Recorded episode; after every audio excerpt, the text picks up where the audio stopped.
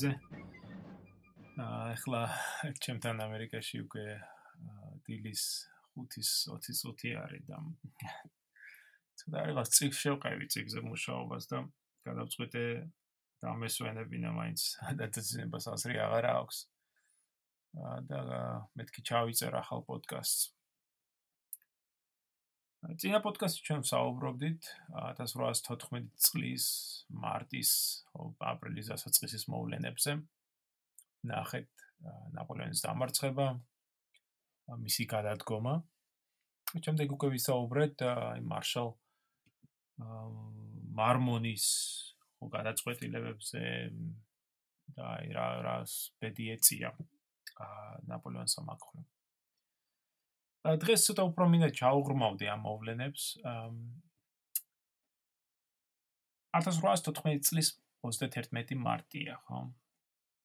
მოკავშირეთა ძალები ტრიუმფალურად შედიან პარიზში, ევროპის ერთ-ერთ ყველაზე გამორჩეულ ქალაქში, რომელიც უკანასკნელი 14 წლის განმავლობაში მათი ყველაზე დიდი მტრის დედაქალაქი იყო. მაგრამ დრონი მეფობენ და არა მეფენიო. ნაპოლეონი ამჯერად უკვე დამარცხებულია და მისი დედაქალაქი მის ტრების ხელშია. რუსეთის, ავსტრიის, პრუსიის სამხედრო აღლუმს წინ უძღვება ცხენზე ამხედრებული მესაყვირეების ოცეული, რომელმაც პანტენის კარიბჭე გამოიერა დაახლოებით დილის 11 საათზე. და გზა გაუკლია მის უკან მომავალ ათასობით მოკავშირეთა ჯარებს. ქალაქში ჯერ რუსეთის იმპერატორის გვარდიის ნაწილები შევიდნენ, შემდეგ პრუსიის მეფის სამეფო გვარდია, მათ მერე კი თვით იმპერატორმა ალექსანდრემ პრუსიის მეფე ფრიდრიხ ვილჰელმა და ავსტრიელთა მხედართმთავარმა კარლ შვარცენბერგმა გაიარეს პარიზის ქუჩებში. მათ ყვალდაყვალ მიყვებოდნენ ათასობით ქვეითი ცხენოსანი ჯარისკაცი, ყველა საგანგებოდ შერჩეული და საჩინოდ გამოწყობილი. მოკავშირეთა ძალის უმეტესი ნაწილი კი აა ქალაქარეთ, პარიზის გარეთ, შემოგარენში განალაგეს და ქალაქში შესვლა უკრძალეს. მოკავშირეთა შესვლა ხომ არამხოლოდ აი სამხედრო წარმატების აღნიშნელი იყო, არამედ ომის შემდგომი ეტაპის სამზადისის ნაწილიც იყო. მოკავშირეებს განსაკუთრებით კი რუსეთის იმპერატორს ალექსანდრეს სურდათ გაევლოთ ხაზი თუ რა მობიერად ეპყრობოდნენ ისინი დამარცხებულ ქვეყანას. დასჯის მაგრად აგერბადანო აღლუმები, ზეიმი, დროსტარება. მოკავშირეები ხას უსვამდნენ იმას, რომ ისინი არც ადგილობრივ მოსახლეობას ავიწროებდნენ, არც ეროვნულ გვარდიას აუქმებდნენ. პირიქით, ჯარს ქალაქის გარეტოვებდნენ, ხოლო ქალაქის შიგნით მნიშვნელოვან დაწესებულებებს, ბანკებს, მუზეუმებს, ძეგლებს, ყოლებებს ამას იცავდნენ. გზავნილი ადგილად გასაგები იყო. დაგმეთ და განუდექით ნაპოლეონს და სიკეთე კეთილდღეობა არ მოგ არ მოგეშლებათ. განაგრძეთ მასთან ერთად ბრძოლა და სავალალო შედეგებს მიიღებთ. როგორც წინა პოდკასტში ვნახეთ, ნაპოლეონი ამ დროისათვის იყო ფონტენბლოში. სადაც პარიზისკენ შეტევისათვის ემზადებოდა იგი. ამ მაგრამ ჩვენ არ განვიხილებთ თუ რა ბედი ეწია მის ცოლშვილს. გამიტომ კარგი იქნება თუ ცოტა ხანს მათზეც ვისაუბრებთ. ფონტენბლოში ნაპოლეონის ცოლშვილი თან არ ყავდა. რამდენიმე კვირით ადრე პარიზიდან წასვლის წინ ნაპოლეონმა თავისი მეუღლე, დედოფალი მარი ლუიზა, იმპერიის რეგენტად დანიშნა და მისთვის დასახმარებლად სარეგენტო საბჭოს შექმნა, რომელშიც მან დანიშნა თავისი ძმა ჟოზეფი, როგორც იმპერატორის წარმომადგენელი და ლეიტენანტი, ასე რომ ვთქვათ, როგორც მას უწოდებდნენ. აა კამბასერესი, ო იმპერიის არქ კანცლერი, აა გენერალი კლარკი, რომელიც სამხედრო მინისტრი იყო, და ასევე მონტალივე სამარი და რაც თავარია შარლ მორის ტალერან პერიგორი. 28 მარტს როდესაც აშკარა გახდა, რომ ნაპოლეონი ვერ შეძლებდა მოკავშირეების შეჩერებას, დედოფალმა საღამოს ცხრის ნახევარზე მოიწვია სარეგენტო საბჭოს ხდომა, რათა გადაეწყვიტა დარჩენილიყვნენ თუ არა დედაქალაქში. თავდაპირველად საბჭო იმაზრის იყო, რომ დედოფალი უნდა დარჩენილიყო პარიზში, ვინაიდან ქალაქი და მისი წასვლა ხალხის თვალში პანიკას დასთესდა. მათ სულ იკვეთებას გატეხავდა და იმპერიისადმი საზოგადოებრივ მხარდაჭერას ძიებს გამოუთხრიდა. საბჭოს ყველა წევრი, გარდა ჟოზეფისა, ნაპოლეონის ძმისა, აა რომელსაც მე არ მიიღო კენჭის კენჭის კლასში მონაწილეობა, ანუ საბჭოს ყველა წევრმა ხარი დაუჭირა დედოფლის და უფლისწულის, ხო ნაპოლეონის შვილის ქალაქში დარჩენას. მაგრამ ჟოზეფ მას შემდეგ საინტერესო რამ გააკეთა. როდესაც ამ გადაწყვეტილებას კენჭი ეყარა, ჟოზეფმა წარმოადგინა ნაპოლეონის მიერ ჯერ კიდევ 16 მარტს დაწერილი წერილი, რომელიც იუწყებოდა შემდეგს. ჩემო ძმაო, წერს ნაპოლეონი ჟოზეფს. შენთვის გაცემული ჩემი ზეპირი ინსტრუქციების შესაბამისად, შენ არ უნდა დაუშვა არც ერთ შემთხვევაში, რომ დედოფალი და უფლისწული აღმოჩნდნენ ტრის ხელში. მე ახლა ვიწყებ სამხედრო ოპერაციას, რომლის დროსაც თქვენ შესაძლოა ვერ მიიღებთ ჩემსგან ცნობებს რამდენიმე დღის განმავლობაში. თუ ამ დროს ტერი მოუახლოვდება პარის, ისეთი ძალებით, რომ შეუძლებელი იქნება ქალაქის დაცვა, დაუყოვნებლივ ბრძანე დედოფლის, ჩემი შვილის, იმპერიის ყველა წარჩინებული პირის, მინისტრების, სენატორების, სახელმწიფო საბჭოს პრეზიდენტის სამე იმპერატორის, უბრალოდ იმპერიის მოხელეების და იმპერიის ხაზინის ევაკუაცია მდინარე ლუარის ხეობისაკენ. არც ერთ შემთხვევაში არ დატოვა ჩემი შვილი პარიზში. დაიმახსოვრე, რომ მირჩენია, რომ მდინარე სენაში ვიხილო იგი, ვიდრე სამფრაგეთის მტრების ტყვეობაში. პერსონებისგან ასტიანაქსის საინტერესო აქ ამის ხსენება. ასტიანაქსი მსვენელს მინდა შევახსენო იყო აი ძველი იყო ბერძნულ მითებში ტროას პრინცი რომ იყო ჰექტორი, ეს სწორედ ჰექტორის შვილი, რომელიც ტროას დაცემის შემდეგ ბერძნება ტყვეთ ჩაიდეს და საკმო და მოკლეს. აი სწორედ ახლა ნაპოლეონი ამ წერილში წერს ბერძნებისგან ასტინაქსის დატყვევება მუდამ იმაშდა ისტორიის ერთ-ერთ დიდ უბედურებათო. ამასთან მინდა ისიც აღნიშნო, რომ ჟოზეფმა მხოლოდ ნაპოლეონის ერთი წერილი წარადგინა. მან არ წარმოაჩინა მაგალითად ნაპოლეონის მეორე წერილი, რომელიც კიდევ უფრო ადრე, 8 თებერვალს იყო დაწერილი და ასევე ჟოზეფისადმი და რომელიც ასევე აფრთხილებდა ჟოზეფს, რომ პარიზისადმი გარდაუვალი საფრთხის შექმნის შემთხვევაში და თუ ქალაქში მყოფი ძალები იძულებულები იქნებიან დატოვონ ქალაქი, იმპერიის ოჯახის და ხელისუფლების ყველა წევრი უნდა იქნას გაყვანილი სამშვიდობოს. იქაც ამ წერილშიც ნაპოლეონი ამჟღავნებს იგივე სულისკვეთებას და წერილის დასასრულს წერს მაგალითად. მირჩენია ჩემი შვილი დაღუპვის ამბავი გავიგო, ვიდრე იგი ვნახო ვენაში, ავსტრიელ პრინცად აღზრდილიო.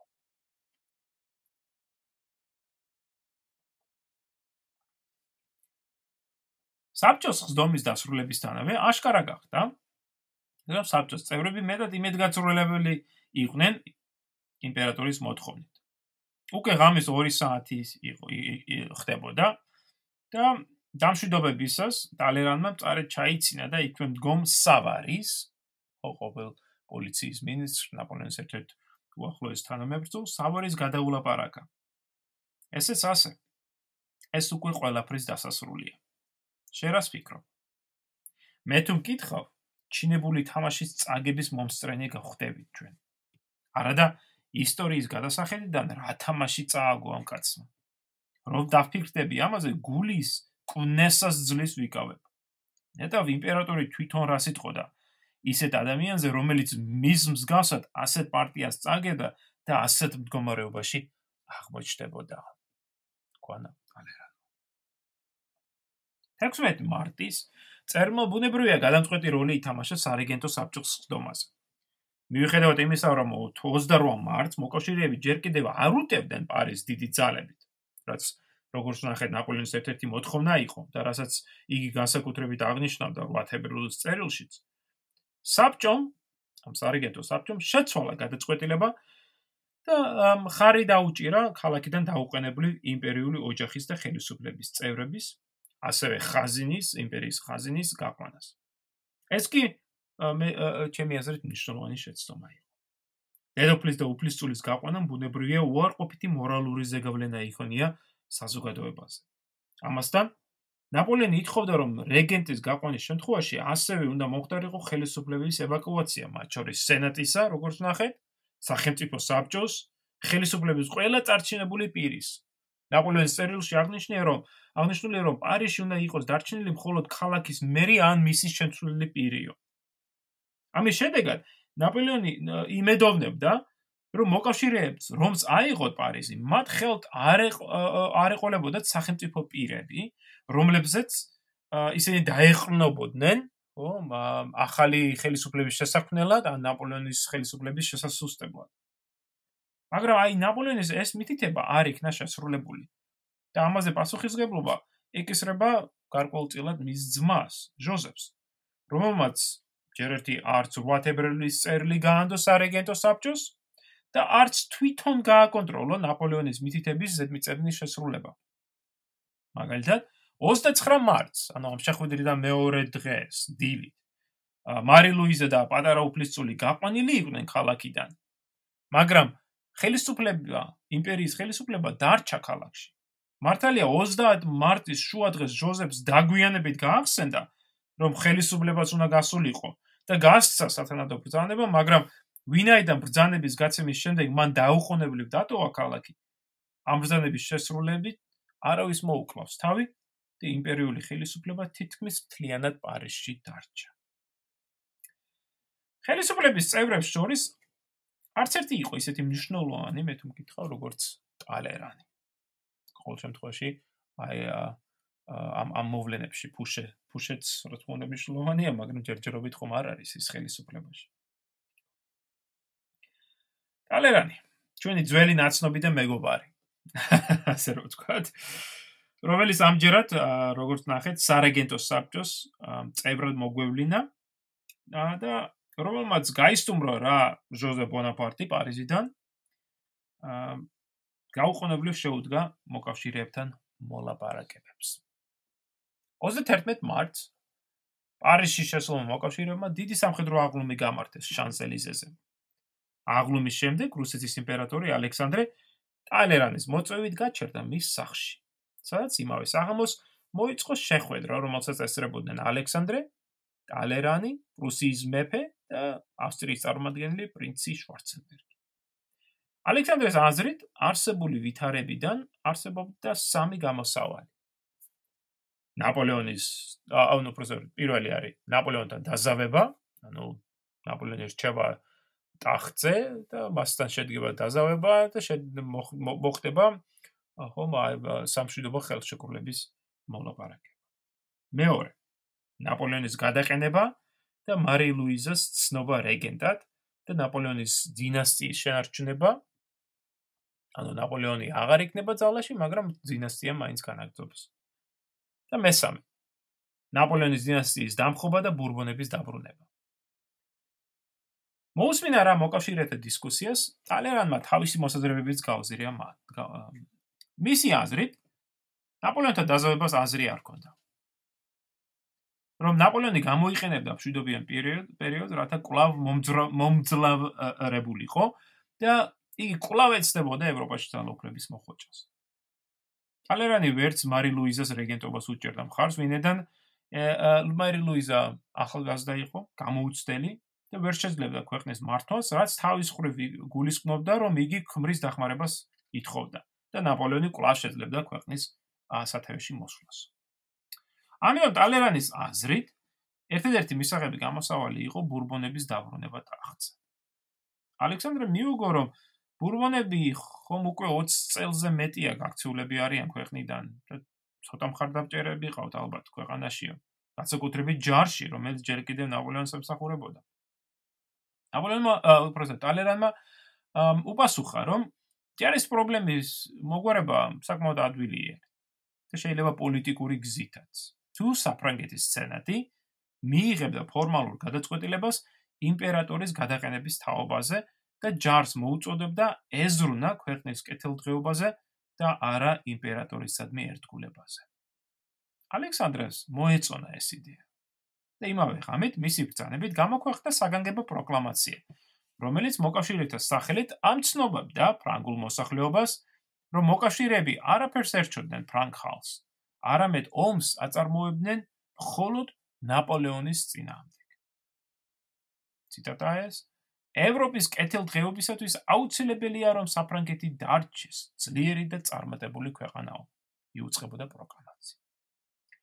იმავე დღეს, 1 აპრილს, სენატის წევრები მოიწვია, უბრალოდ სენატმა მოიწვია სხდომა, რომელზედაც გადაწყდა, რომ უკანასკნელი დღეების მოვლენების გათვალისწინებით აუცილებელი იყო დროებითი ხელისუფლების შექმნა. მას სათავეში ჩაუდგა, აბა თუ გამოიცნობთ, დიახ, დიახ, შალ მორის ტალერანი. იმავე დღეს პარიზის საკრებულომ პირველმა გამოაქვეყნა განცხადება, რომელშიც განაცხადა, რომ იგი განუდგა ნაპოლეონს და აღარ დაემორჩილებოდა მის ბრძანებებს. მეორე დღეს, 2 აპრილს, სენატმა ერთხმად დაამტკიცა გადაწყვეტილება ნაპოლეონის ტახტიდან გადაყენების თაობაზე და გამოაქვეყნა მოწოდება ჯარისადმი, ფრანგული ჯარისადმი, რომელშიც წერია: ჯარისკაცნო, თქვენ აღარ ხართ ნაპოლეონის ჯარისკაცები. სენატი და მთელი საფრანგეთი განთავისუფლეთ თქვენ ნაპოლეონისადმი მიცემულ ფიცისაგან. ტალერმან დიდი როლი ითამაშა ამ მოვლენებში და მისი ხელი შეიმჩნევა კულისებს მიღმა თითქმის ყველა ამ გადაწყვეტილებაში. მისმა პოზიციამ და რჩევამ ხო რომ საჭირო იყო აი ბურბონების აღდგენა ტახტზე დიდი როლი ითამაშა მოკავშირეთა და აი ნაპოლეონის შორის მიმდინარე მოლაპარაკებებში ამ პერიოდში. როგორც ჩვენ ნახე წინა პოდკასტებში, ნაპოლეონი თავდაპირველად მზად იყო გადამდგარიყო თავისი შვილის სასარგებლოდ, მაგრამ მოკავშირეებს მოკავშირეებმა უბრალოდ უარყვეს ეს შემოთავაზება. აა წინა პოდკასტში ჩვენ უკვე მიმოიხილეთ 4-6 აპრილის მოვლენების, როდესაც გენერალმა სუჰემმა ხო, ასე უღალატა ნაპოლეონს და მარმონის კორპუსი მოკავშირეებს ჩააბარა, რითაც აიძულა ნაპოლეონს ხელი მოეწერა უპირობო გადადგომას. ამ დროს მარი ლუიზა და პატარა უფლისწული იყვნენ ქალაქ ბლუაში. პარიზიდან წასვლისას დედოფალმა თან წაიღო ოჯახის თელი საკუთრება, მათ შორის ნაპოლეონის პირადი ხაზინა, სამეფო ოქროულობა და 1000 სხვა ნივთი. 29 მარტს ათეული ატლებისგან შემდგარი ეს პროცესია, რომელსაც 1200 ცხენოსანი იცავდა, ნელ-ნელა გაუყვა გზას, გავიდა პარიზიდან. ღამე გაატარა დაბა რამბოიეში და მომდენო დღეს ჩავიდა შარტრში. სადაც დედოფალს შეუერთდნენ ნაპოლეონის ძმები, ჟოზეფი და ჟერომი, თავიანთი ოჯახებით და ამალით. 1 აპრილს მარი ლუიზა მიიღო წერილი ნაპოლეონისგან, რომელიც რომელშიც ნაპოლეონი ეუბნებოდა მას, რომ მარი ლუიზა თავის შულთან ერთად უნდა წასულიყო ქალაქ ბლუაში, სადაც ისინი მართლაც წავიდნენ და ჩავიდნენ 2 აპრილს. და იქ მათ დახვდათ უკვე იმპერიის კანცლერი კამბასერესი და ზოგიერთი წარჩინებული პირი. ამავე დროს ბლუაში იქნა ასევე გადატანილი მთელი იმპერიის ხაზინა, რომელიც თითქმის 2000 კაციანი სპეციალური ქვედანაყოფი იცავდა.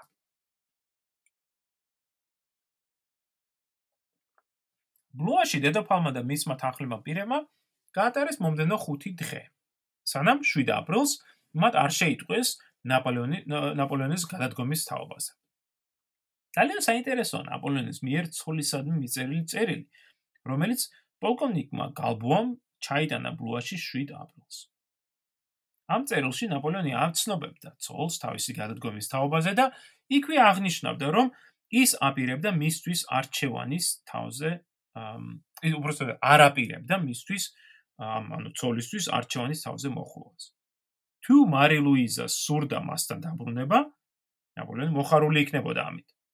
მაგრამ ის იქვე აღნიშნავდა, რომ ნაპოლეონი გაგებით მოეკიდებოდა, მიუდგებოდა, თუ მარი ლუიზა არჩევდა თავის მამის, ავსტრიის იმპერატორის ფარველობაში დაბრუნებას და მისთვის ჩვეული ცხოვრების გაგრძელებას. საინტერესო, ცოტა უჩვეულო, უცნაური წერილია. გალბუას თქმით, წერილმა ემოციურად იმოქმედა მარი ლუიზაზე, რომელმაც დაუყოვნებლივ გამოხატა მზადყოფნა წასულიყო ფონტებლოში და გაეზიარებინა მეუღლის გასაჭირი. მაგრამ გაბუამ უპასუხა, რომ ეს შეუძლებელი იყო ჯერ, ვინაიდან საკმაოდ რთული იქნებოდა თქვა ამ გზა გადაადგილების და გადაადგილებისას გზაზე მისი უსაფრთხოების უზრუნველყოფა. ცოტა უსუსური პასუხი არის თუ მკითხავთ მე. რა თქმა უნდა, უსაფრთხო უსაფრთხოების უზრუნველყოფა არ იქნებოდა ასეთი რთული. გალბუ აშკარა იმპერატორის ბრძანებით მოქმედებდა. მაგრამ რატო არ სურდა ნაპოლეონის ცოლის დაბრუნება? აქ უკვე მისი აი პიროვნული ფსიქოლოგიური მომენტი იკვეთება. კოლენკურთან საუბარს საუბრისას ნაპოლეონმა აღნიშნა ერთი საინტერესო რამ. ეს ციტატა არის. მე ვიცი ქალის ბუნება. და განსაკუთრებით კარგად ვიცნობ ჩემ ცოლს. საფრანგეთის დედოფლობის ნაცვლად მე რომ მას ციხეში ყოფნა შევთავაზო, ეს იქნება ძალიან დიდი გასაცდელი მისთვის. ის რომ სევდიენი და წამწუხრებული სახით იქნება, ჩემს გვერდით მე უფრო უბედურს გამხდის. მირჩენია მარტოდ ვიყო, ვიდრე სევდისა და მოწყინილობის შემსწრე გავხდე. კეისარმა შეიძლება შეიძლება შეძლოს კერძო მოქალაქედ გადაქცევა, მაგრამ მის ცოლს ნამდვილად გაუჭirdებდა გაუჭirdება კეისრის ცოლობის დათმობაო. ნაპოლეონის ხრიდან საკითხისადმი ასეთი მიდგომა ერთი მხრივ გასაგებია, მაგრამ საბოლოო ჯამში მისი განწყობილება ფიქრობ შეცდომა იყო. ცოლშვილის ნახვას იგი უკვე ვეღარ შეძლებს. მისგან რჩევამ, რომ მარი ლუიზა მამის ავსტრიის იმპერატორის ფართველობა ითხოვოს კი, საერთოდ გაუგებარია იმის გათვალისწინებით, რომ სულ ცოტა ხნით ადრე იგი სწორედ სოლშვილის მტრისხლში არჩევარდნაზე საუბრობს და ამბობს, რომ ურჩენია შვილი დინარეში იპოვოს, ვიდრე ვენაში ავსტრიელ პრინცად აღზრდილიო. მაგრამ აქ ჩვენ ხედავთ აი ამ ამაყი ადამიანის პირველ რეაქციას კატასტროფული მარცხისადმი. მას არ სურს რომ თომა ნახოს იგი არა როგორც ძლევამოსილი იმპერატორი, არამედ როგორც დამარცხებული ადამიანი საკმაოდ სავალალო მდგომარეობაში. გალბუას ჩამოსვლიდან მეორე დღეს, 8 აპრილს, ნაპოლეონის ძმებმა ჟოზეფმა და ჟერომა გადაწყვიტეს შეხვედროდნენ დედოფალს და დაერწმუნებინათ იგი წასულიყო ნაპოლეონ მათთან ერთად, უბრალოდ წასულიყო მათთან ერთად ლუარის ხეობაში, როგორც ეს იყო თავიდანვე ჩაფიქრებული. შეხვედრისას ძმებმა განუცხადეს მარი ლუიზას, რომ ბლუაში ყოფნით იგი შესაძლებელია მტერს ჩაუვარდეს ხელში და რომ აუცილებელი იყო მისი საფრონტო ხაზიდან კიდევ უფრო შორს გაყვანა. მაგრამ მარი ლუიზამ უარი თქვა წასვლას. მისი პოზიცია გასაგებიცა. ქმარმა ხომ ურჩია მამის მრავლობაში გადასვლა. მამა კი მოკავშირეთა ერთ-ერთი წინამძღოლი იყო. ასე რომ რატო უნდა შეშინებოდა მას, ავსტრიის პრინცესას, ხო? რუსეთის პრუსიელებს ან ავსტრიელებს. მისი ასეთი პასუხი მაგრამ მეორე მხრივ მოულოდნელი აღმოჩნდა ნაპოლეონის ძმებისათვის. მათ დაუწყეს ხმამაღლა საუბარი, ტკიცება, რომ მარი ლუიზა უნდა წასულიყო მათთან ერთად. ძმები ფაქტობრივად ფაქტობრივად აძალებდნენ მას წასვლას. საქმე იქამდე მივიდა, რომ დედოფალმა ტირილი დაიწყო და თავის ამალას უხმო, რათა ოთახიდან გაეყვანათ მაზლები. ჯოზეფის და ჟერომის მხრიდან ეს უტაქტო საქციელი იყო. და მათ მაიმ ზეწოლამ კიდევ უფრო გაამძაფრა მაი მარი ლუიზას გრძნობები. იმავე საღამოს მან წერილი მიწერა მამის და სთხოვა ავსტრიაში თავშესაფარი. ერთადერთი რამ, რაც მე მსურს, არის წყნარად ვიცხოვრო შენი საფმფოს რომელიმე კუთხეში, სადაც ჩემ შულს გავზრდიო. წერს იგი. მაგრამ სანამ მამისგან პასუხს მიიღებდა, მარი ლუიზას მოულოდნელად ეწვია რუსეთის იმპერატორის პირადი წარმომადგენელი, გრაფი შუალოვი. რომელმაც უთხრა, რომ რუსეთის იმპერატორს სურს ნაპოლეონის და მარი ლუიზას პირადი ბედნიერების უზრუნველყოფა და გამოთქვას მზადყოფნას უსაფრთხოდ გადაიყვანა დედოფალი და მისი შვილი ფონტენბლოში ნაპოლეონთან.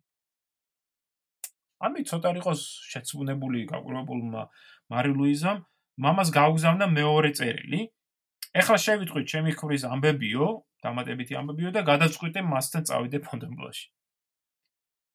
ამამბის გავრცელება და ბლუაში მყოფი მოხელეების თუ ამალის წევრების ტრიალი და არიქა ჩვენ რა ვქნათო საწავიდეთო აი ეს ყოველის ზახილი ერთი იყო შუალოვი დათანხდა გაეცა ასობით საშვი რომლითაც ამხსას ამ ხალხს შეეძლებოდა თავისუფლად გადაადგილება მოკავშირეთა მიერ დაკავებულ ტერიტორიას ამით გახარებულმა მოხელებმა შემდეგ მოითხოვეს სრული ჯამაგირები ქალაქში მყოფი იმპერიული ხაზინიდან. და ფულით დახუნძლულები განოდნენ გზას პარიზისაკენ, სადაც ისინი უკვე ახალ ხელისუფლებაში ადგილების მოპოვებას იმედოვნებდნენ. 8 აპრილს მარი ლუიზა უფლისწული და შოვალოვი გაუდგნენ გზას, ჟოზეფი და ჟერომი კი დარჩნენ ბლუაში. 9 აპრილისათვის მარი ლუიზა უკვე ორლეანში ჩავიდა. საიდანაც სუმცირე ხანში უნდა ჩასულიყო ფონტენბლოში, რომ არა ორი საბედისწერო მოვლენა. პირველი მარი ლუიზა მიიღო ნაპოლეონის ახალი წერილი, რომელშიც იმპერატორი აცნობებდა მას ფონტენბლოს ხერშეკრულების პირობების შესახებ. რომელთა შორის იყო, როგორც ნახავთ, კუნძულ ელბაზე გადასახლებაში წასვლა. ამ ცნობამ გააოგნა მარი ლუიზა, რომელსაც ნამდვილად არ სურდა შორეულ უკაცრიელ ყოველ შემთხვევაში მისმა სეფეკალებმა ასე წარმოუდგინეს ელმა, რომ ის უკაცრიელი უკაცრიელი დაღარები კუნძული იყო. ანუ მარი ლუიზას ნამდვილად არ ეპიდნავებოდა ამ შორეულ კუნძულზე წასვლა, სადაც როგორც სეფეკალებმა უთხრეს, გაუნათლებელი გლეხების და თხების გარდა არაფერი იყო სხვა. 10 აპრილს მარი ლუიზამ პირადად ხო იწნია ამ 10 აპრილს პირადად იწნია მან თუ რას გოლისხმობდა ის დამარცხებულ დამარცხებული ნაპოლეონის ცოლობა. რას გოლისხმობდა აი დამარცხებულად ყოფნა. საფრანგეთის ხელისუფლების ბრძანებით, ეს უკვე მე ვამბობ, დროებით ხელისუფლება, ხო? საფრანგეთის აი დროებით ხელისუფლების ბრძანებით ორლეანში ჩავიდა ჟან ფრანსუა დუდონი, რომელსაც დაევალა ნაპოლეონის პირადი ქონების ჩამორთმევა და დალუქვა. მიუხედავად იმისა, აი ეს საინტერესო მომენტია, რომ მიუხედავად იმისა, რომ მოკავშირეებთან მიღწეული შეთანხმებით, ნაპოლეონს ეძლეოდა უფლება ამ ქონების სარგებლობით და ელბაზე წარებით. და ამაზე მე აა ვისაუბრებ კიდე. დუდონმა ნაპოლეონის პირადი ანგარიშებიდან ამოიღო 20 მილიონამდე ფრანკი. ეს ფული ნაპოლეონმა შეაგროვა თავისი მართლობის დროს, ანუ ბოლგარასნელი 14 წლის განმავლობაში, როდესაც როგორც პირველ კონსულს და შემდეგ უკვე იმპერატორს მას ყოველწლიურად ეძლეოდა სამოქალაქო ხელფასი ლის სივილ როგორც მას უწოდებდნენ საფრანგეთში და რომელსაც ამ ფულს იგი სარფიანად აბანდებდა. უფრო მეტიც ხელისუფლების ბრძანებით და მინდა შევახსენო რომ ამ დროებით ხელისუფლებას ტალერანი უდგა სათავეში. ხელისუფლების ბრძანებით დაყავებული იქნა ასევე ყოფილი იმპერატორის ეტლები, რომელშიც იყო ნაპოლეონის და მისი ოჯახის პირადი ტანის სამოსი და ნიფთები. დუდონი მეტად კადნიერად მოქმედებდა და არ ერიდებოდა მარი ლუიზას შეურაცხყოფასაც. მაგალითად, მან აიძულა ფაქტობრივად უფულო დარჩენილი დედოფალი კისრიდან ჩამოეხსნა მარგალიტების ის კოლიე, რომელიც ნაპოლეონმა მას თავისი ფულით დააღნიშნო უყიდა აი შვილის გაჩენის შემდეგ. მაგრამ მარი ლუიზამ იყო ჩაღა ასე რომ ვთქვა. მისი დავალებით მისმა საფეკალებმა შეძლეს ფულის ერთი ნაწილის გადამალვა. ყოველ შემთხვევაში მართალია ეს ფული კი გადამალეს, მაგრამ აი 10 აპრილის შეურაცხყოფა რთულად ასატანი იყო მარი ლუიზასთვის. სახთო რომის ყოფილი იმპერატორის, აწი უკვე ავსტრიის იმპერატორის ქალიშვილისათვის, ჰაბსბურგების დიადის სამეფოს დინასტიის წევრისათვის. წარმოგიდგენთ რა დამამცირებელი იყო ეს, ხო? ღირდა კი ქმართან წასვლა და მასთან ერთად ასეთ გაჭირვებაში ყოფნა? მის ირგვლივ ყოფებიც ხომ ხან ერთს ურჩევდნენ, ხან მეორეს. ზოგიერთი ქმრის ერთგულებას და თანადგომისაკენ მოუწოდებდნენ მას, სხვები კი საკუთარ თავზე და შულზე ზრუნვას ავსტრიაში დაბრუნებას ურჩევდნენ. თვით ნაპოლეონმა ცხო მამასთან დაკავშირებას ურჩევდა თავის უკანასკნელ წერილებში. ახალგაზრდა ქალი ცოტა არ იყოს გაურკვევლობაში იყო. რა ვქნა, სასოწარკვეთილი ვარ. იხსენებს სავარი მარი ლუიზასთან საუბარს. ზოგიერთი მირჩევს წავიდეს, ხვები კი დარჩენას მირჩევენ. მე მივწერე ნაპოლეონს, მაგრამ მისი პასუხი არ მემიღია ჯერ. ადრე მირჩევდა, რომ მამასთან მიმეწერა, მაგრამ მამაჩემის მამაჩემი რას მირჩევს განა? იმ ღამით, ანუ 11-დან 10-დან 11 აპრილის ღამეს მარი ლუიზა სეფეკალების ერთმა ნაწილმა მალულად მოამზადეს ეტლი და შუა ღამით შესთავაზეს მარი ლუიზას მიეტოვებინა ყველაფერი და შვილთან ერთად ნაპოლეონთან წასულიყო. მაგრამ მარი ლუიზამ ვერ გაბედა ასეთ ნაბიჯზე წასვლა. საბოლოოდ მან არჩევანი გააკეთა მშვიდ უზრუნველყოფილ სტაბილურ არსებობაზე, რომელსაც მამამისთან ვენის კარზე ცხოვრება მოუტანდა მას. მამასთან მიწერილ წერილში მარი ლუიზა აღნიშნავს: ნაპოლეონი კუნძულ ელბაზე მიდის. მე უკვე ავუხსენი მას, რომ ვერაფერი მაიძულებს, რომ წავიდე ასეთ ადგილას, სანამ შენ არ გნახავ და შენს რჩევას არ მოვისმენო. მარი ლუიზას აქცელში საინტერესო მომენტი ჩანს. იგი მერყეობს ქმრისადმი ერთგულებასა და მამასთან უსაფრთხო ცხოვრების სულს შორის. ერთ მომენტში მზად არის წავიდეს ქმართან, მაგრამ შემდეგ გაიაზრებს რა თუ რას გულისხმობდა ეს. გადასახლებას პატარ კონძულზე, წარსულთან შედარებით ხელმომჭირნე ცხოვრებას. ყოველივე ამის გათვალისწინებით იგი უარს ამბობს ქმართან დაბრუნებაზე და მამასთან ვენაში წასვლას ითხოვს.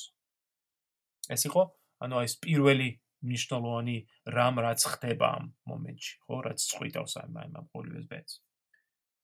ახლა მეორე. ალბათ წარმოგიდგენია თქვენ რა რეაქცია ჰქონდათ ავსტრიელებს, როდესაც მათ შეიტყვეს, რომ რუსები ხელს უწყობდნენ მარი ლუიზას ნაპოლეონთან დაბრუნებას. ყოველ შემთხვევაში მინდა გაგიზიაროთ წერილი, რომელიც ერთმა ავსტრიელმა დიპლომატმა მიწერა მეტერნიქს. ეს წერილი ავსტრიელთა იმპერატორის სახელითაა დაწერილი და იქ შემდეგი ამ წერია. იმპერატორმა, ანუ ავსტრიის იმპერატორიზეა საუბარი ფრანცზე. იმპერატორმა ეხლახან შეიტყო ამბავი, რომ რუსი გენერალი შუვალოვი გაგზავნილი იყო მარი ლუიზასთან ბლუაში და აღუთქვა მას მზადყოფნა გადაიყვანა ფონტებლოში.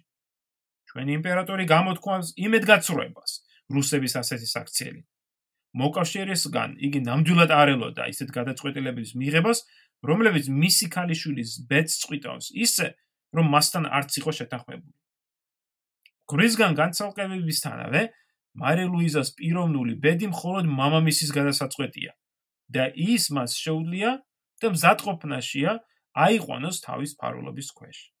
ამრიგად, იმპერატორი მოითხოვს, რომ მისი ქალიშვილი მის შვილთან ერთად იქნას დაუყოვნებლივ გაგზავნილი მასთან, რათა მან უზრუნველყოს მისი ყოფნა ისე დონეზე, როგორიც შეეფერება მისი წარმოშობის პიროვნებას, სანამ საბოლოოდ გადაწყდება მისი სამომავლო ბედია. მეტერნიკი დაუყოვნებლივ დაუკავშირდა რუსეთის იმპერატორს და აუხსნა ვითარება, რის შედეგად შუვალოვმა მიიღო ბრძანება წაიყვანა მარი ლუიზა არა ფონტენბლოში, არამედ რამბუიეში, სადაც მას დახვდებოდა ავსტრიის იმპერატორი. ეს ბრძანება ორლიანში ჩავიდა 12 აპრილის შუადღის 5 საათზე. 8 საათზე კი მარი ლუიზა, პატარა ნაპოლეონი და შუვალოვი უკვე რუსული გვარდიის ესკორტით ორლიანიდან რამბუიესკენ მიმოვალ გზაზე იყვნენ. და მათ მიერ ამტრიანებულ გზაზე გაუჩინარდა ნაპოლეონის დინასტიის შენარჩუნების უკანასკნელი იმედის ნაპერწკალიც. ნაპოლეონის გადადგომის შემდეგ დაიწყო მოლაპარაკებები მისი მომავალის თაობაზე. ამ მოლაპარაკებებს აწარმოებდა კოლენკური, ნეი, მაკდონალდი ნაპოლეონის სახელით, ხოლო მოკავშირეებს წარმოადგენდა კარლ ნესაროდე, ცნობილი რუსი სახელმწიფო მოღვაწე. სწორედ ამ მოლაპარაკებების შემდეგ შედგა შეთანხმებები, რომ ნაპოლეონის ფლობელობაში გადაეცემოდა რომელიმე კუნძული ხმელთაშუა ზღვაში. ვარიანტებს შორის განიხილებოდა კუნძულები კორფუ, კორსიკა და ელბა. საბოლოოდ ომრხივი შეთანხმება ორივე მხარე უბრალოდ შეთანხმდა კუნძულ ელბაზე. რაშიც დიდი როლი ითამაშა რუსეთის იმპერატორის ალექსანდრის განცხადება, რომ ელბა მისთვის მისაღები იყო. მაგრამ ამ არჩევანმა ბევრი ორჭოფობაც გამოიწვია მოკავშირეებთან ბანაკში. ბევრს მიაჩნდა, რომ ელბა ძალიან ახლოს იყო ევროპასთან, განსაკუთრებით კი იტალიასთან. უკვე 7 აპრილს კალერანი წერდა, რომ კუნძულ ელბის საკითხმა ბევრი დისკუსია გამოიწვია. იტალიაში არსებული ვითარების გათვალისწინებით ეს არ უკნა არ უნდა იქნას დაშვებული. ავსტრიელებისთვისაც ელბა რთული მისაღები არჩევანი იყო, მაგრამ მათთვის უფრო მნიშვნელოვანი იყო ნაპოლეონის მოშორება საფრანგეთიდან. 12 აპრილს მეტერნიხთან მიწერილ წერილში იმპერატორი ფრანცი აღნიშნავს: და ჩვენთვის ყველაზე მთავარ ამოცანას წარმოადგენს საფრანგეთის საფრანგეთიდან ნაპოლეონის გაყვანა და ღმერთის ხელშეწყობით რომელიმე შორეულ ადგილზე მისი განთავსება. მე არ ვემხრობდი კონძულ ელბას ნაპოლეონის მომავალ რეზიდენციად არჩევანს. ისინი ანუ თავის მოკავშირეებზე ამბობს. ისინი ამ კონძულს წარქმევენ ტოსკანიას, რაც თავის ხრივ ეკუთვნის ჩემს ოჯახს. არ შეიძლება ჩემი ოჯახის საკუთრებას ასე გადაცემა გადამთიელებზეო. რაც თავარია, ნაპოლეონი ძალიან ახლოს იქნება საფრანგეთთან და ზოგადად ევროპასთან. მაგრამ თუ ჩვენ სხვა გამოსავალი არ გვაქვს, უნდა დავთანხმდეთ ამაზე და ვეცადოთ ყველანაირად რომ უზრუნველყოთ, რომ ელბა დაუბრუნდება ტოსკანიას ნაპოლეონის გარდაცვალების შემდეგ და რომ ჩემი ქალიშვილის და მისი შვილის გარდაცვალების შემდეგ მათთვის განკუთვნილი ყველა ქონება არ ჩაუვარდება ნაპოლეონის ოჯახს ხელში. ელბის საწინააღმდეგოდ განსაკუთრებით აქტიურად გამოდიოდნენ ბრიტანელები. სელ სერ ჩარლს სტიუარტი, ბრიტანეთის ერთ-ერთი წარმომადგენელი მოკავშირეებთან, სტიუარტი სინანულით აღნიშნავდა, რომ ბრიტანეთის წარმომადგენელი ლორდ კასრლის არყოფნა ხელს უწყობდა ნაპოლეონს და რუსეთის იმპერატორის გაუაზრებელი, ეს ციტატა არის, რუსეთის იმპერატორის გაუაზრებელი და გარკვეულწილად თეატრალური გულუხვება აუცილებლად უნდა იქნას აღკვეთილი. სტიუარტის გულის გასახარავად კასლრი ანუ ბრიტანეთის საგარეო მინისტრი, თავარი წარმომადგენელი მოკავშირეებთან, ეს კასლრი ჩავიდა პარიზში 10 აპრილს. მან უმალვე დაგმო ნაპოლეონთან მიღწეული შეთანხმება, მაგრამ მის საპირისპიროდ რაიმე ახალი ვერ შესთავაზა მოკავშირეებს. რის გამოც რუსეთის იმპერატორმა და პრუსიის მეფემ გადაწყვიტეს ნაპოლეონთან შეთანხმებაზე ხელის მოწერა.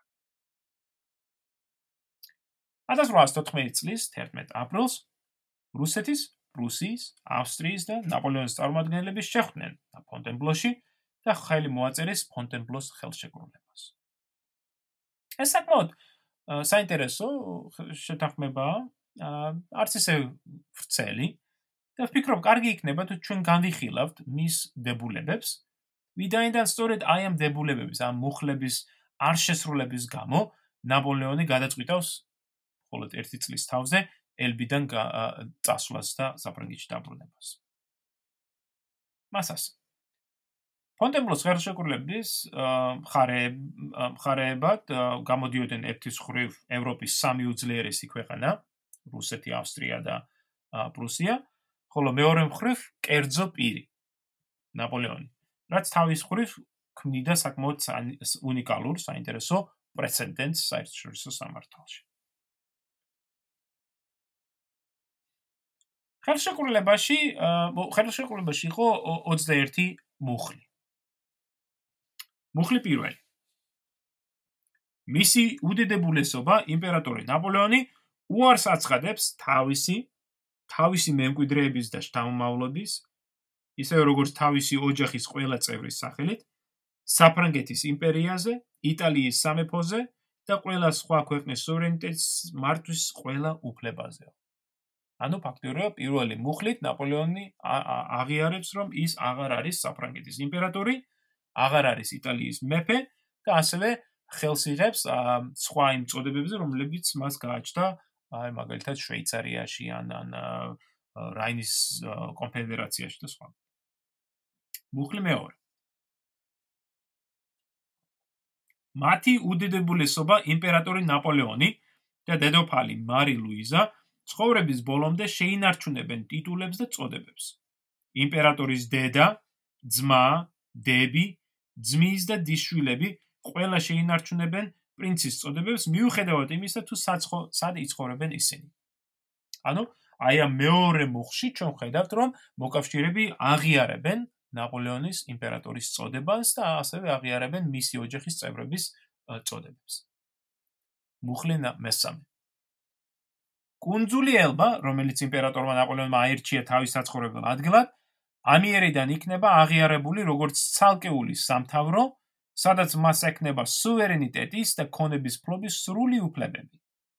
იმპერატორ ნაპოლეონს ენიშნება ყოველწლიური ხელფასი 2 მილიონი ფრანკის ოდენობით, რომელიც გადახდილი იქნება საფრანგეთის ძირითადი ბიუჯეტიდან და საიდანაც 1 მილიონი იქნება განკუთვნილი დედოფლისთვისო. აქაც მე მგონი ყველაფერი ნათელია, ხო? ელბაი შეიქმნება როგორც სუვერენ სუვერენული სამთავრო, ნაპოლეონი იქნება მისი ხელმწიფე, მაგრამ ამავე დროს ნაპოლეონს ენიშნება ყოველწლიური ხელფასი 2 მილიონი ფრანკის ოდენობით, რომელსაც საფრანგეთი გადაუხდიდა. მუხლი მეოთხე. პარმის პლაცენტის და გვასტალას საგრაფოები გადაეცემა ქონების და სუვერენიტეტის სრული უფლებებით მისი უდიდებულესობა დედოფალ მარი ლუიზას. ისინი მემკვიდრეობით გადავლენ მის შვილის და მისი შთამომავლობის საკუთრებას. მის შვილს ამიერიდან ერგება წოდება პარმის პლაცენტის და გვასტალას პრინცი. ანუ აქაც გარკვეულია საკმაოდ გარკვეული წერია თუ რა უნდა ველოდოთ ხო? აა თვითონ ეს მუხლის საინტერესო არის, ვინაიდან აქ არ არის საუბარი მარი ლუიზას ელბაზე წასვლაზე, ანუ ცოლქრის გაერთიანებაზე, ხო? ერთად ყოფნაზე, არამედ ნაპოლეონ მუხ მესამე მუხში ნაპოლეონი ხდება კუნძულ ელბას ხელმწიფე, ხოლო მეოთხე მუხში ფაქტურად მარი ლუიზა ხდება აი პარმის პაცენტის და გვასტალას დედოფალი. მუხლი მეხუთე. ყველა სახელმწიფო ეცდება მიიღოს ზომები, რატო უზრუნველყოს, რომ ბარბაროსული სამეფო სახელმწიფოები სათანადო პატივს ცემენ კუნძულ ელბას სუვერენულ დროშას. ახაც საკმაოდ აშკარა არის რა საპირებდნენ ისინი. სხვა შორის ელბის დროშა იქნება თეთრი, ხო, თეთრი ფერის დროშა, რომელსაც იქნება წითელი კანტი, რომელსაც ამოტვიფრული იქნება სამი ოქროსფერი ფუტკარი. მუხლი მეექვსე.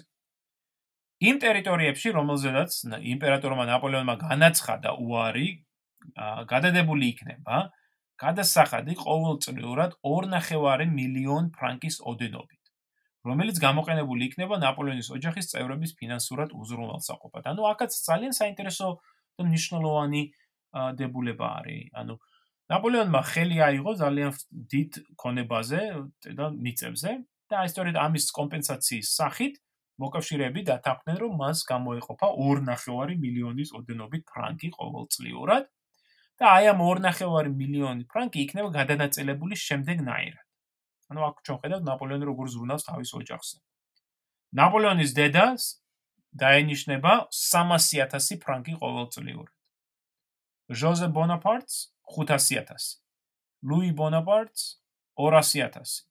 ორტანზია ბოარნეს, ხო, ნაპოლეონის შვილობილს და ასევე თავისი ძმილს, ძმის ცოლს, ორტანზია ბოარნეს 400000. ჟე ჟერომ ბონაპარტს 500000. ელიზა ბონაპარტს 300000. პოლინა ბონაპარტს 300000 ფრანკი ყოველწლიურად. ამავე დროს ნაპოლეონის ოჯახის წევრები შეინარჩუნებენ ყველა იმ ქონებას, რომელიც მათ კერძო საკუთრებაში იყო. მუხლი მეშვიდე. ყოფილ დედოფალს ჯოზეფინას დაენიშნება 1 მილიონი ფრანკი ყოველწლიურად.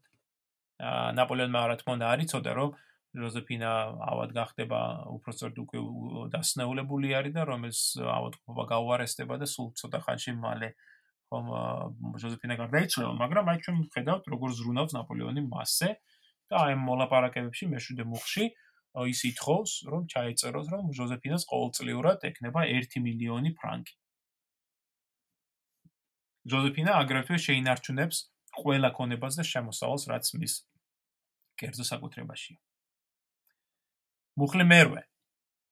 ნაპოლეონის შვილობილი პრინცი ეჟენ ბოარნე სწორედ მის ბედს ეხება აქ და აქ არის ძალიან ზოგადად დაწერილი რომ ეჟენს მოეძებნება შესაფერისი ადგილი საფრანგეთის ფარგლებს გარეთო. ანუ და კონკრეტება არ ხდება სამომავლოდ მოლაპარაკების საგანი უნდა ყოფილიყო ეს. მომდენო რამდენიმე მუხლი ძალიან მნიშვნელოვანია. იმ ხრივ რომ ის თუ თუ თუ იმ საკითხის მიხედვით თუ რას ის გან ის განიხილავენ, მაგრამ სამწუხაროდ ძალიან ხშირად ჩვენ არ ვაქცევთ ყურადღებას ამას, წიგნებში ხშირად არ არ გენიხილებიან ესე. ა მეცხრე მუხლის მიხედვით ნაპოლეონმა უარი განაცხადა საფრანგეთის ფარგლებში მის კერძო საკუთრებაში არსებულ ქონებაზე და გადასცა იგი საფრანგეთს. ანუ კიდევ ერთხელ ვიმეორებ, ნაპოლეონმა თავისინებით უარი განაცხადა, ხო, საფრანგეთის ფარგლებში არსებულ საკუთრებაზე და გადასცა იგი საფრანგეთის ხელისუფლებას.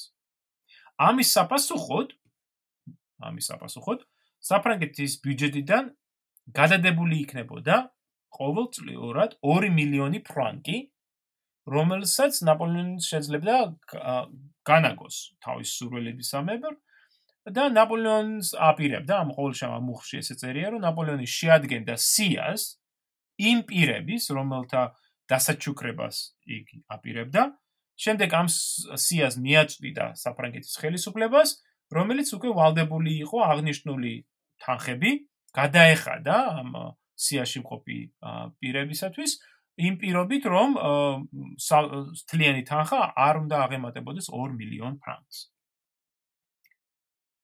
მუხლი მეათე ნაპოლეონი დათანხმდა დაეტოვებინა საფრანგეთში იმპერიის სამკაულები. მათ შორის ისინიც კი, რომლებიც მან თავისი ფულით შეიძინა. მუხლი მე-11. ნაპოლეონი დათანხმდა დაებრუნებინა საფრანგეთის დააბრუნოს საფრანგეთის ბიუჯეტიდან სხვადასხვა მიზნით გადანილი სახსრები, მაგრამ აი მე-11 მუხში წერია, რომ ნაპოლეონს ჰქონდა უფლება დაეტოვებინა მის კერძო ანგარიშში არსებული თანხა, რომელიც მან შეაგროვა აი უკანასკნელი 14 წლის მართლობის დროს. მომდევნო სამი მუხლი შეეხება ნაპოლეონის მოხელეებისათვის დავალიანების დაფარვას და ასევე ნაპოლეონის ოჯახის წევრებისათვის სამგზავრო პასპორტების გაცემას, რომ მე ამ არ განვიხილავ მათ. მუხლი მე-15. ნაპოლეონს შეიძლება იქონიოს საპატიო ესკორტი იმპერიის გვარდიის 1200 კაცისგან შემდგარი, რომელიც მას გააცილებს საფრანგეთის ფარგლებში ქალაქ სანტროპენზე. მუხლი მე-16. ნაპოლეონის საკუთრებაში გადასცემენ ერთ შეარაღებულ გემს, კორვეტს და რამდენიმე სატრანსპორტო გემს, რათა მან შეძლოს ელბაზე ჩასვლა და შემდეგ ეს ხომალდები უკვე წარმოშედგენენ ამ ელბის სუვერენულ ფლოტს. მუხლი მე-17. ნაპოლეონს შეუძლია ელბაზე წაიყვანოს 400 შეარაღებული ჯარისკაცი და ოფიცერი. მუხლი მე-18. ნაპოლეონთან ერთად ელბაზე წასულ ფრანგებს მიეცათ სამწლიანი პერიოდი, როდის განმავლობაში ისინი უნდა დაბრუნებულიყვნენ სამშობლოში, თუ მათ არ სურდათ საფრანგეთის მოქალაქეობის დაკარგვა. ანუ ხა გასაგებიც არის ხომ, თუ წახვედი და ცხოვრობ ელბაზე და ხარ ნაპოლეონის სამსახურში ფაქტურად ხდები ნაპოლეონის როგორც ელბის სუვერენული ხელმწიფის მოქალაქე, ხო, ქვეშევრდომი პროფესორი და ამიტომ საფრანგეთის ქვეშევრდომობასაც დაკარგა. მუხლი მე-19 ნაპოლეონის სამსახურში მყოფი ყველა პოლონელ ჯარისკაცს და ოფიცერს მიეცა შესაძლებლობა დაბრუნდეს სახში თავისი იარაღითა და ქონებით. აქაც საინტერესოა ხო, ნაპოლეონის ცდილობა რომ უზრუნველყოს აი ამ თავის პოლონელი აა ჯარის ჯარის მომავლის. მუხლი მეოცე, ხელ ხელმომწერი მხარეები იძლევიან ამ ხელშეკრულების შესრულების გარანტიას და რაც თავარია, ისინი თავის თავზე იღებენ ვალდებულებას დაარწმუნონ საფრანგეთის ხელისუფლება შეაცნოს ეს ხელშეკრულება და შემდეგ უკვე შეასრულოს მისი ვალდებულებები. ხელშეკრულებას აწერს ხელს ავსტრიის სახელით მეტერნიკი და სტადიონი, რუსელის რუსეთის სახელით ანდრეი რაზუმოვსკი და კალ ნესეროდე, პრუსიის სახელით ბარონი ჰარდენბერგი და ნაპოლეონის სახელით ნეიდა კოლენკური. ფონტენბლოს ხელშეკრულების ხელმოწერიდან სულ რამდენიმე საათში, იმავე 11 აპრილს, საფრანგეთის დროებითმა ხელისუფლებამ, რომელსაც მინდა კიდევ ერთხელ აზრი გაუსხვა, ტალერანი ედგა სათავეში, ამ ხელისუფლებამ გამოაქვეყნა განცხადება, რომელშიც იგი ცნობდა ფონტენბლოს ხელშეკრულებას და იღებდა ვალდებულებას შეესრულებინა ყველა პირობა. როდესაც ბურბონთა მონარქია აღსდგა ფორმალურად და მეფე ლუდოვიკო მე-18 დაბრუნდა პარიზში, ტალერანმა მოამზადა კიდევ ერთი საგანგებო განცხადება, რომელიც იუწყებოდა, რომ მეფემ ლუდოვიკო მე-18-მ განიხილა რამ ფონდენბლოს ხელშეკრულების დებულებები, ცნო ისინი სამართლებრივად და იღებს ვალდებულებად მის მათ შესრულებას. ანუ ამ მოლაპარაკებების და განცხადებების შედეგად ფონტებლეს ხელშეკრულებას ხარი დაუჭირა და ხელი მოაწერა რუსეთმა, ავსტრიამ, პრუსეთმა, პრუსიამ და რუსეთმა, მაგრამ არა ბრიტანეთმა.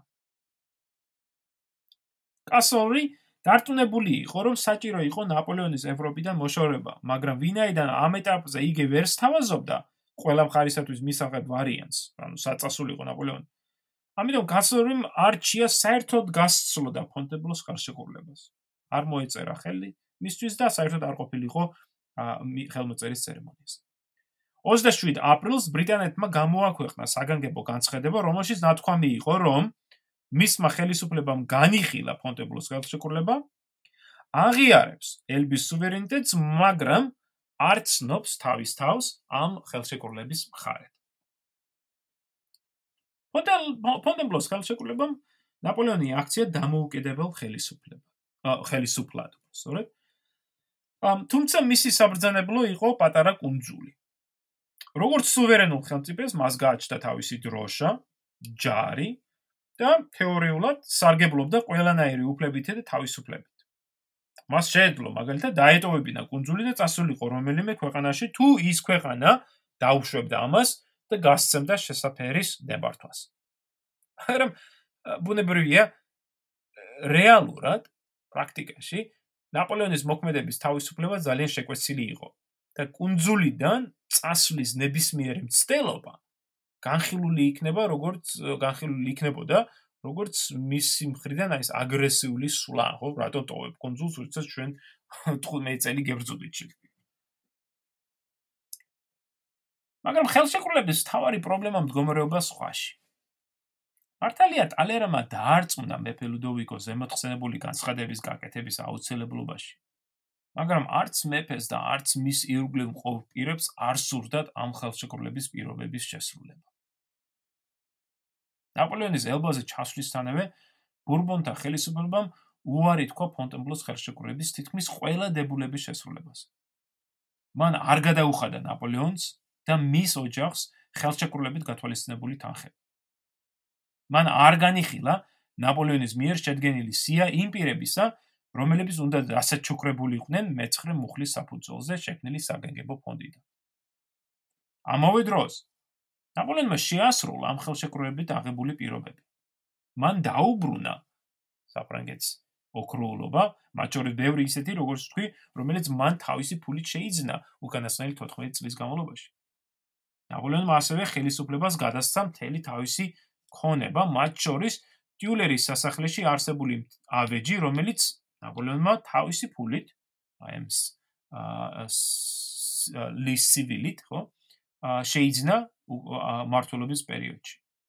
კანონით ეს ქონება ეკუთვნოდა პირადად ნაპოლეონს. მაგრამ მან ფონტებულოს ხელშეკრულებით ხელი აიღო მასზე იმ პირობით, რომ საფრანგეთის ხელისუფლება ხო გადაუხდიდა მას აი აი ამ ფულს. სწორედ ამიტომ იყო იგი ასე გაწმილებული, როდესაც მისი აზრით მან ყველა პირობა შეასრულა, ხოლო ბურბონებმა ერთიც კი არა. უფრო მეტიც, საფრანგეთის ხელისუფლებამ როგორც აღნიშნა მე რამდენიმე წუთის წინ უხეშად დაარღვია ფონტებლოს ხელშეკრულება, როდესაც მისი ბრძანებით აი ეს დუდონი ჩავედა ორლიანში და დალუკა ნაპოლეონის პირადი ანგარიშები, სადაც მას ჰქონდა როგორც თქვი 20 მილიონამდე ფრანკი. ეს ფული ხომ ნაპოლეონმა თავისი მმართველობის დროს შეინახა, დააბანდა, შეაგროვა.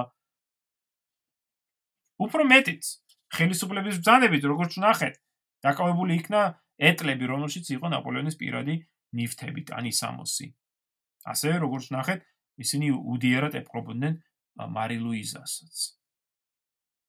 ფონდებლოს ხელშეკრულების დამტკიცების შემდეგ მოკავშირეებმა დანიშნეს საგანგებო კომისრები, რომელთაც დაევალათ ნაპოლეონის გაცილება საფრანგეთიდან ელბაზე. ავსტრიამ გამოაგზავნა გენერალი კოილერი, რუსეთმა გენერალი შუვალოვი. პრუსიამ თავადი დრუშნე ვადბურგი, ხოლო ბრიტანეთმა პოლკოვნიკი ნილ კემბელი. ავსტრიის, რუსეთის და პრუსიის წარმომადგენლებმა მიიღეს ბრძანებები პატივი ეცათ ნაპოლეონისათვის როგორც იმპერატორისათვის. მაგრამ ბრიტანეთის წარმომადგენლის ინსტრუქციებში ეწერა რომ მას უნდა და ეს ციტატა გამოეჩინა სათანადო პატივისცემა პატივისცემა და ყურადღება ნაპოლეონისადმი რომლის კუნძულ ელბაზე უსაფრთხო გადასახლების უზრუნველყოფა და ხელშეწყობა წარმოადგენენ პრინც რეგენტის ანუ ბრიტანელი ხელისუფლების დიდ სურვილს. როგორც ხედავთ, ნაპოლეონის წოდება აქ განგებ გამოტოვებულია. ხო, წერია სათანადო პატივისცემა და ყურადღება ნაპოლეონისადმი და არა იმპერატორისადმი, ხო? კომისრები ფონტენბლოში ჩავიდნენ 16 აპრილისთვის და დაიწყეს მზადება ელბაზე წასასვლელად.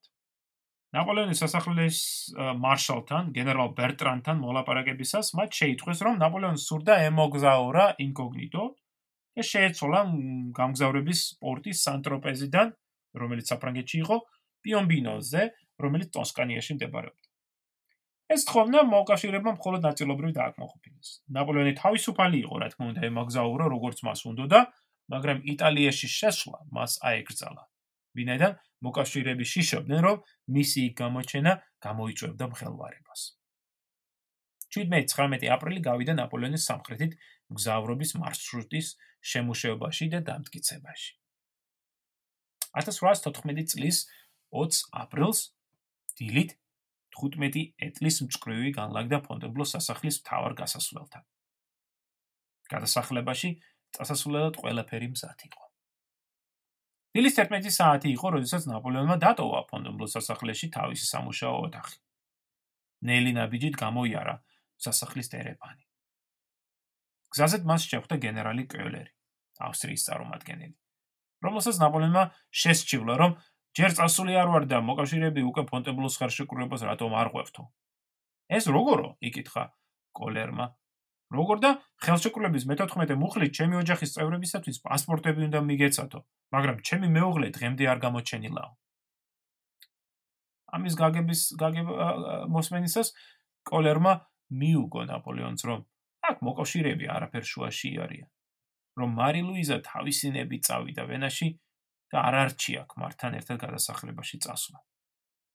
ასე რომ ფონტენბლოდან წასვლა ნაპოლეონის მძიმე გულით უხდებოდა. შუა დღისთვის ნაპოლეონი ჩამოუყო ფონტენბლოს სასახლის სახელგანთმულ კიბეებს. სასახლის ეზოში შეკრებილი იყო იმპერიული გვარდიის შენაერთები.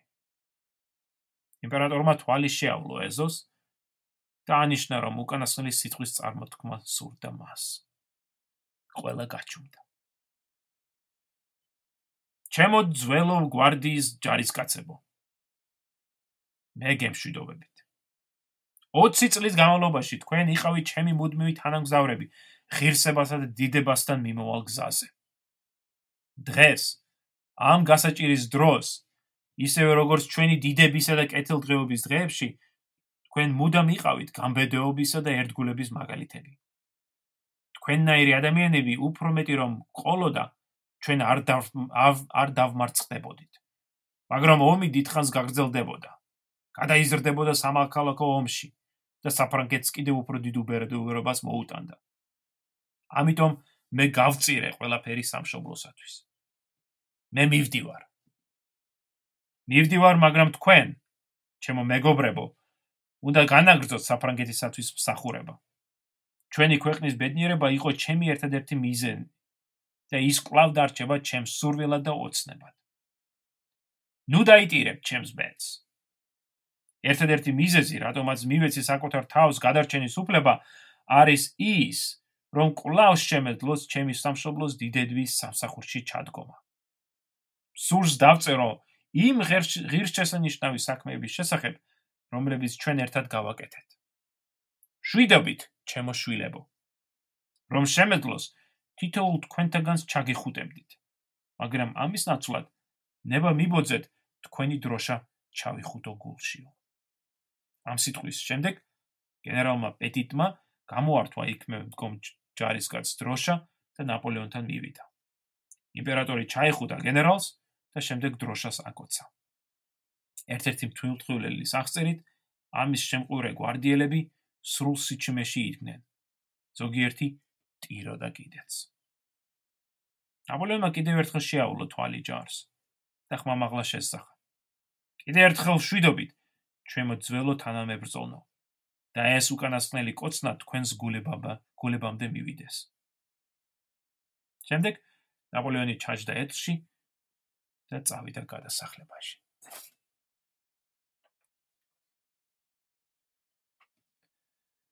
ზავრობის პირველი დღეები ნორმალურად წარიმართა. ქალაქებში თუ სოფლებში შესულ ნაპოლეონს ადგილობრივი მოსახლეობა ეგებებოდა შეძახილებით იმპერატორს გაუმარჯოს vive l'empereur და მოკავშირეების ლანძღვითა და გინების. ნაპოლეონს აშკარად ეამებოდა ესეთ შეხვედრები და ის კარგ განწყობაზე იყო. ტრუშნეს ვალბურგის ამ პრუსიის წარმომადგენლის აღნიშნავდა რომ ნაპოლეონი კარგ გონებაზე იყო ხშირად ხუმრობდა გვესაუბრებოდა სხვა სხვა საკითხზე ამ საუბრებში მან ძალიან გულწრფელად მიმოიხილა თავისი 25 წლიანი კარიერა.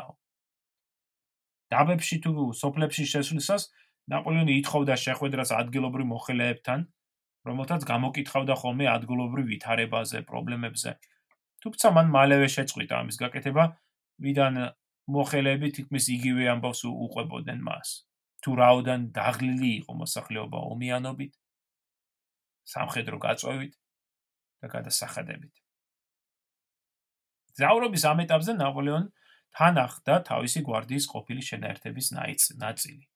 თუმცა ისინი მას დაშორდნენ ქალაქ ბრიარში, სადაც ცალკეგზით, საიდანაც ცალკეგზით უნდა ევლოთ ქალაქ სავონამდე და იქიდან უკვე ელბაზე უნდა გადასულიყვნენ.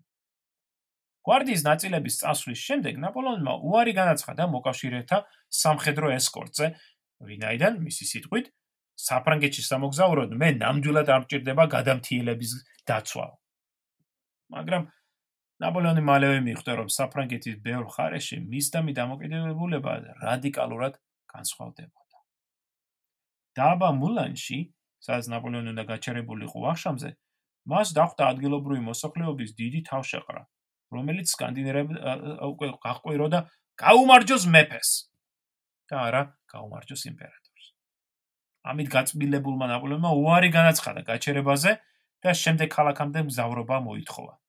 სადაც მისი უსაფრთხოების უზრუნველსაყოფად გაგზავნეს ავსტრიული კავალერიის ქვედანაყოფი.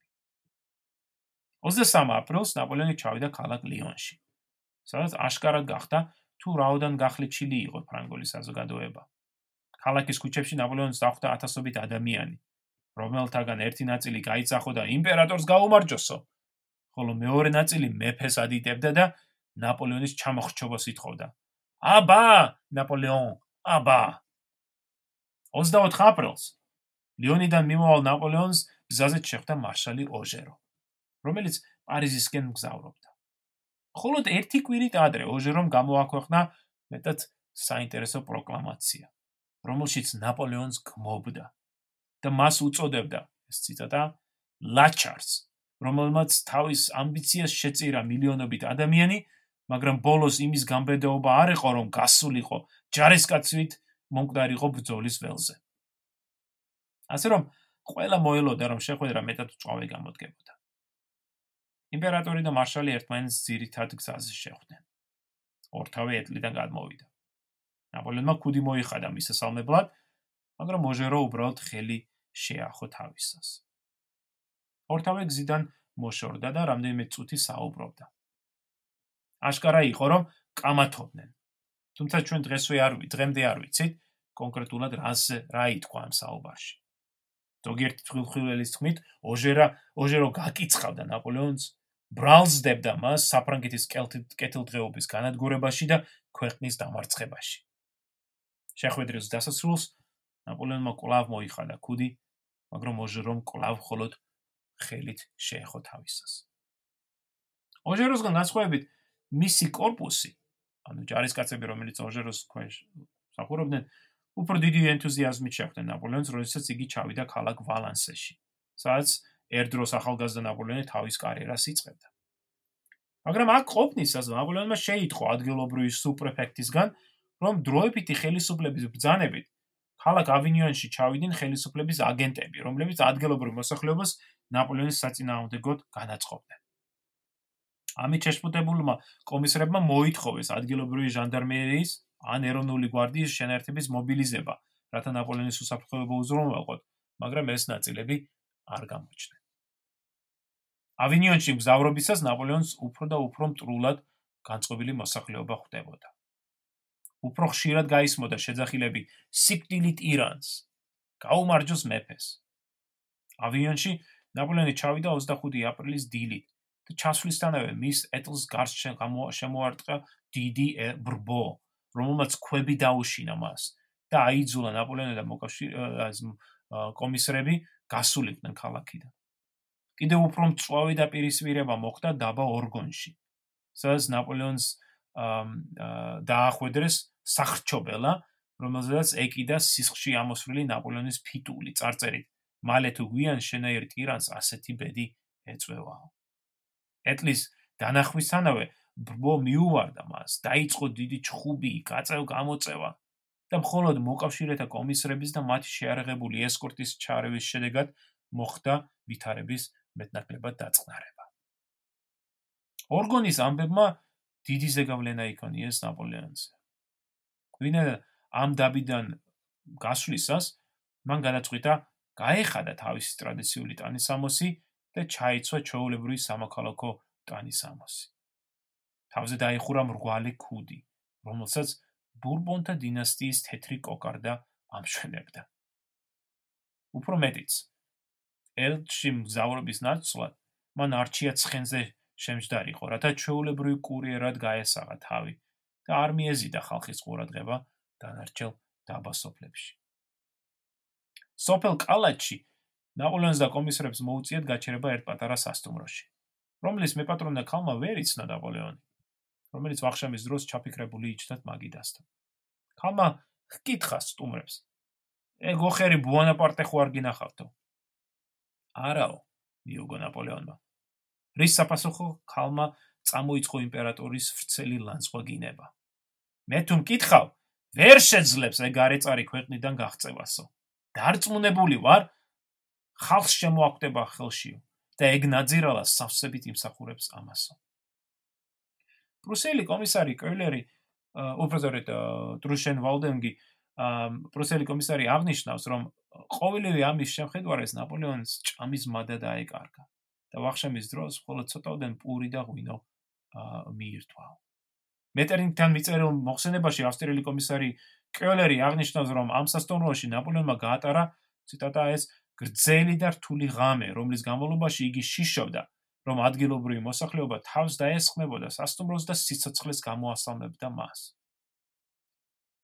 სხვა არაფერზე ფიქრობდა, გარდა იმისა, თუ როგორ შეიძლებოდა მისი უსაფრთხოების უზრუნველყოფა. ბრიტანელი კომისარი კემბელიც ასევე აღნიშნავდა შემდგომში, რომ საფრთხეთ საფრანგეთში მოგზაურობისას ნაპოლეონმა გამოიჩინა ეს ციტატა გამოიჩინა ბევრად უფრო დიდი შიში და გაუბედაობა ვიდრე მისი კალიბრის ადამიანისგან იყო მოსალოდნელია. იმ ღამე შვიდად ჩაიარა მომდენო დღეს 26 აპრილს ნაპოლეონი და მოკავშირეები შეთანხმდნენ რომ ამიერიდან იმპერატორი ჩაიცმევდა კროლერის ავსტრიელი ოფიცრის უნიფორმას დრუშნე ვალბურგის პრუსიელ კუც თუ შუვალოვის რუსულ კურტუქს ცოტა არ იყოს დამამცირებელია მე თუ მკითხავ. და ასე გამოწყობილმა ნაპოლეონმა შემდეგ განაგრძო მგზავრობა. ეიქში, სენ-მაქსიმინში და სხვა პატარა დაბებში მას კლავ დახვდა მტრულად განწყობილი მოსახლეობა. რაც რამაც გამოიწვია დამატებითი სამხედრო ესკორტის მოყვანა, რათა უზრუნველყო მისი უსაფრთხოება. მგზავრობის დანარჩენი ნაწილი მშვიდად დასრულდა. 27 აპრილს ნაპოლეონი ჩავიდა დაბა ფრეჟუსში, სადაც 15 წლით ადრე იგი გადასხდა ეგვიპტიდან დაბრუნების დროს და საფრანგეთს მოევლინა მხსნელის სახით. მომდენო დღეს, საღამოს, ბრიტანულმა ხომალმა Undaunted აიყვანა ნაპოლეონი და მისი ამალა და კუნძულ ელბაზე გადაიყვანა. 1814 წლის 3 მაისს ნაპოლეონი გადასხდა ელბის ძირითად პორტში, პორტ ფერაიაში. დაიწყო მისი ცხოვრების ახალი ეტაპი.